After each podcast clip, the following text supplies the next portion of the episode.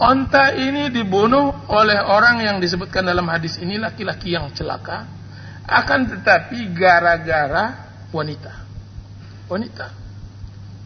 Wanita yang mengupahkan laki-laki ini. Dalam tafsiran disebutkan bahwa wanita itu adalah kepala suku kaum Dia upah. Jadi mengingatkan saya bahwa sebenarnya pada masa-masa jahiliyah wanita tidak selamanya jadikan pelecehan. Masa-masa jahiliyah juga wanita mempunyai kedudukan yang sangat dihormati. Berapa banyak gara-gara wanita semua generasi berperang.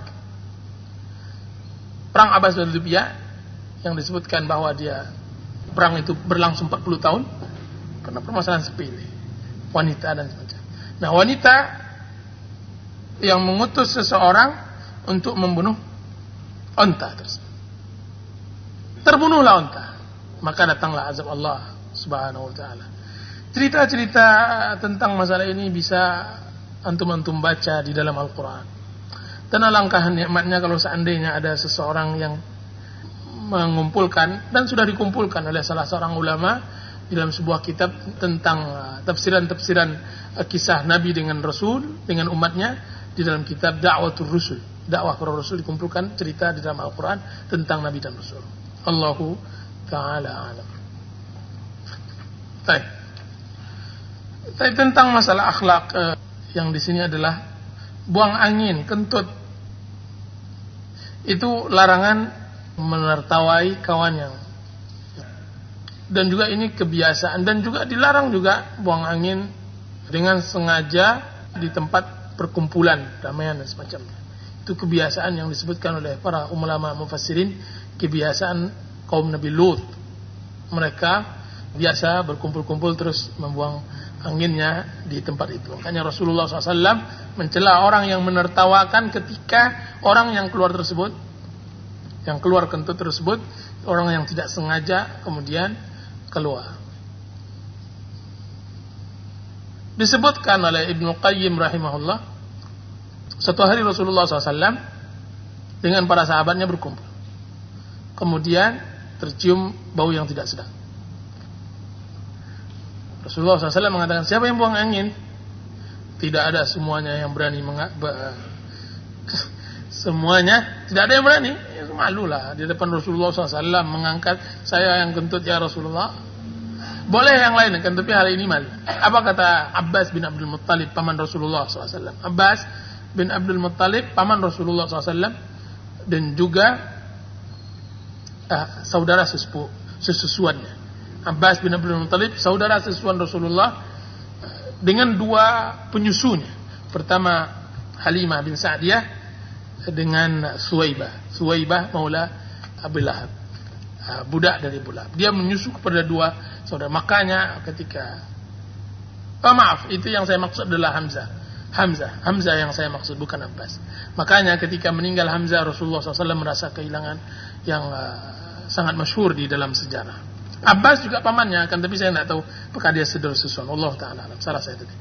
Yang jelas apa kata Abbas bin Abdul Muttalib ya Rasulullah kalau begitu nggak ada yang berani mari kita beruduk bersama-sama.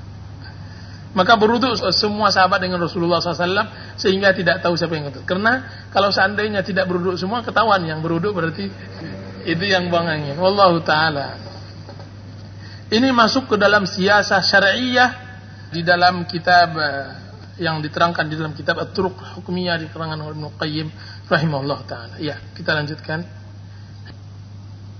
Hadis Amr bin Ahwas. Wallahu taala alam. Sallallahu ala nabiyyina Muhammadin wa ala alihi wasallam. Wassalamu alaikum warahmatullahi wabarakatuh.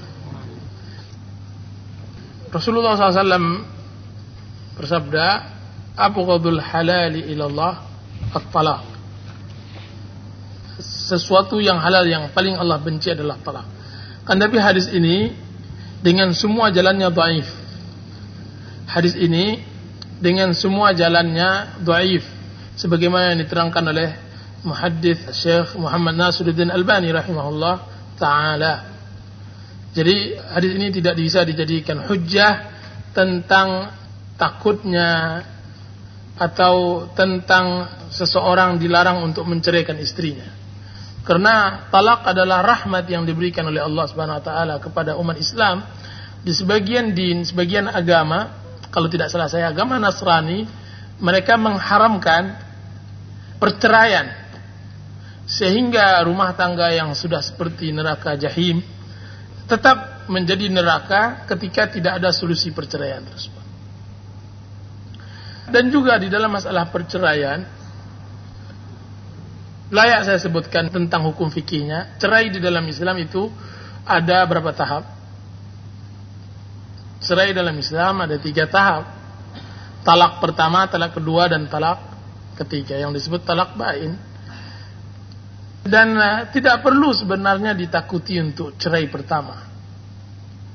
Sering saya sampaikan kepada ibu-ibu yang dia tidak ada jalan lain kecuali suaminya menceraikannya dia cemas akan cerai. Saya katakan apa perlu ditakutkan dengan cerai? Sesungguhnya cerai ini kadang-kadang memberi solusi yang sangat baik. Kenapa? Karena di dalam cerai bukan lantas sang istri lepas dari tanggung jawab suami. Di sana ada masa penungguan, masa iddah.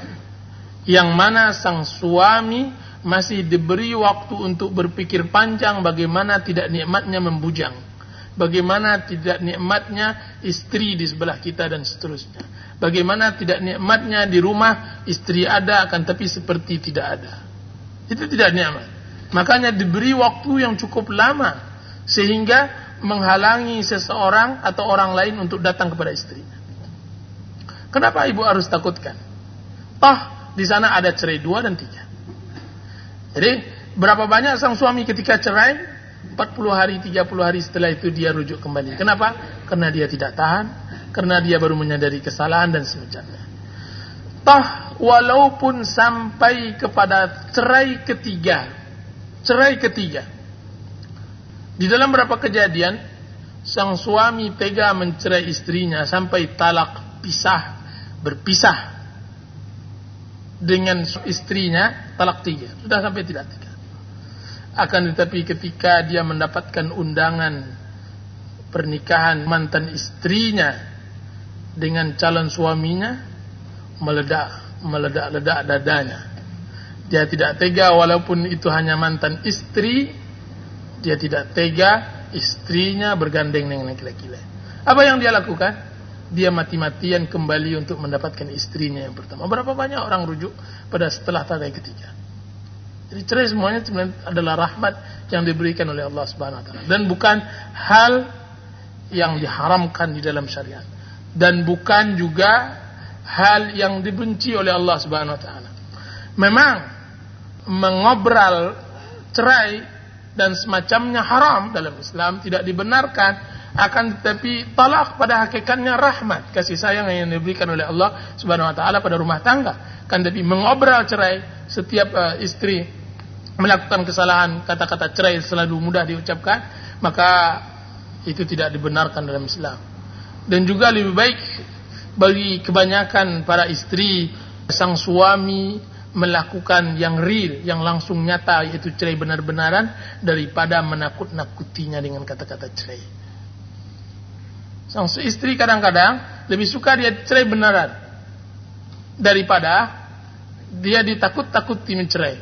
Seakan-akan hantu baginya dan dia sehingga mendapat penyakit fobia. Fobia karena kata-kata cerai terdengung-dengung terus oleh suaminya. Wallahu taala. Dia telah cerai tiga, kemudian suami yang baru. Iya, huluknya tujuan untuk kembali. Iya, pertanyaan menyangkut tentang masalah suami yang telah menceraikan istrinya tiga kali sehingga dia menikah dengan laki-laki lain. Nah, sang istri minta khuluk, minta cerai kepada suaminya yang kedua. Dan ada dua gambaran. Pertama, dia minta cerai karena ingin kembali kepada suaminya yang pertama. Dan yang kedua, minta cerai karena tidak ingin tidak kembali tapi untuk sebab lain. Maka kita jawab sah. Sah uh, khuluk sang uh, sang istri karena ingin kembali lagi kepada suaminya yang pertama. Dan ini terjadi pada zaman Rasulullah SAW bahwa salah seorang sahabat menceraikan istrinya talak tiga lupa saya nama sahabat tersebut. Kemudian dia menikah dengan sahabat lain. Jadi dia sudah ceraikan talak tiga. Nah, istrinya tadi ingin kembali lagi atau suaminya yang pertama ingin kembali lagi kepada istrinya. Akan tapi permasalahannya suaminya yang kedua ini impoten. Apa kata istrinya ya, yang menikah dengan suami yang kedua ya Rasulullah SAW bahwasanya si fulan suami saya yang kedua bagaikan ujung kain yang begini ya Rasulullah impoten menggambarkan impoten suaminya padahal sudah mendesak suami pertama untuk rujuk kembali. Bayangkan. Jadi baru rasa cemburu keluar ketika istri. Dan ini juga pelajaran bagi suami untuk jangan mudah menceraikan istrinya. Kalau kamu istri tidak mau disentuh oleh laki-laki lain jangan ceraikan dia ketiga. Kalau mau dirasakan oh oke okay, tidak masalah kan tapi istri kamu dipakai dulu oleh orang lain baru kembali lagi kepada kamu. Apa kata Rasulullah SAW ketika hendak kembali tersebut? Tidak. Hatta tadhuqi usailatahu wa yazuqa usailataki. Sampai engkau wahai wanita merasakan manisnya dia dan dia merasakan manisnya engkau jadi kalau impoten tidak sah, tidak benar. Dia harus benar-benar dukhul terhadap istrinya dengan dukhul hakiki baru cerai baru sah kembali lagi kepada suami. Wallahu taala. Jadi boleh insyaallah taala. Iya. Pertama para ulama sepakat bahwa seorang suami mendapatkan istrinya berzina kemudian dia tidak taubat dan suami tetap mempertahankan istrinya tersebut berarti suaminya dayus tidak mempunyai cemburu terhadap istrinya. Dan Rasulullah SAW mengatakan la yadkhulul jannata dayus tidak akan masuk surga laki-laki yang dayus dayus Berarti ini akan tetapi tentang istri yang bertaubat setelah berzina saya belum mendapatkan jawaban yang memuaskan saya. Dia bertaubat setelah dia berzina. Dan ini ada dua macam.